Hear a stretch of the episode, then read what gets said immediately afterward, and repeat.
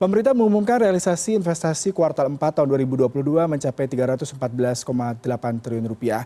Investasi tersebut menyerap tenaga kerja sebesar 339.879 orang.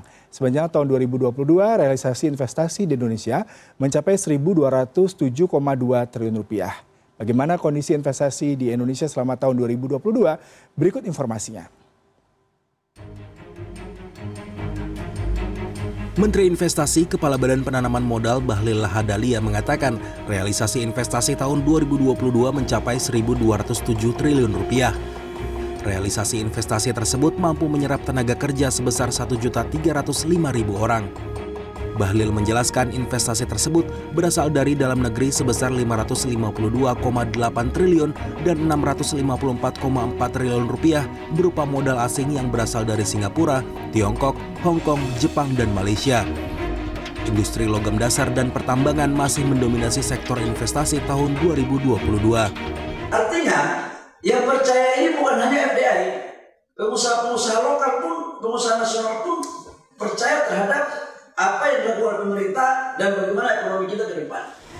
Menanggapi capaian investasi tersebut, Wakil Ketua Umum Kadin Indonesia bidang investasi Tony Wenas mengatakan hal tersebut bukti promosi investasi Indonesia yang dilakukan pemerintah bersama dunia usaha cukup diminati investor.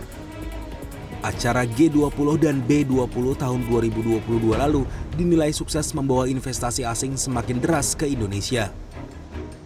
PR dari kita adalah bagaimana kita juga bisa bersaing dengan negara-negara tujuan investasi lainnya, memberikan begitu banyak kemudahan dalam mengurus perizinan dan lain sebagainya. Dan saya yakin OSS ini yang terus di-upgrade, diperbaiki, dan akan bisa mencapai satu sistem yang uh, ideal bagi investor untuk masuk ke Indonesia.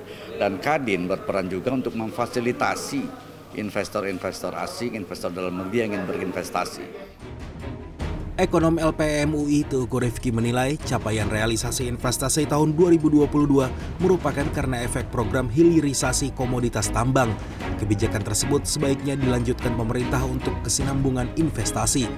Hal tersebut penting untuk dilakukan mengingat tahun 2023 investasi dari negara asing bakal menghadapi pengetatan kebijakan moneter dan resesi pengetatan kebijakan moneter, lalu juga global uncertainty yang masih tinggi, saya rasa ini masih membayangi untuk kuartal 1, kuartal 2 di 2023. Tinggal nanti bagaimana kemudian pemerintah bisa menunjukkan bahwa investasi kita masih tetap baik, pertumbuhan ekonomi kita masih juga tetap baik sepanjang uh, semester 1 2023. Inilah yang kemudian mendorong sentimen untuk uh, investor mau terus melanjutkan investasi di Indonesia.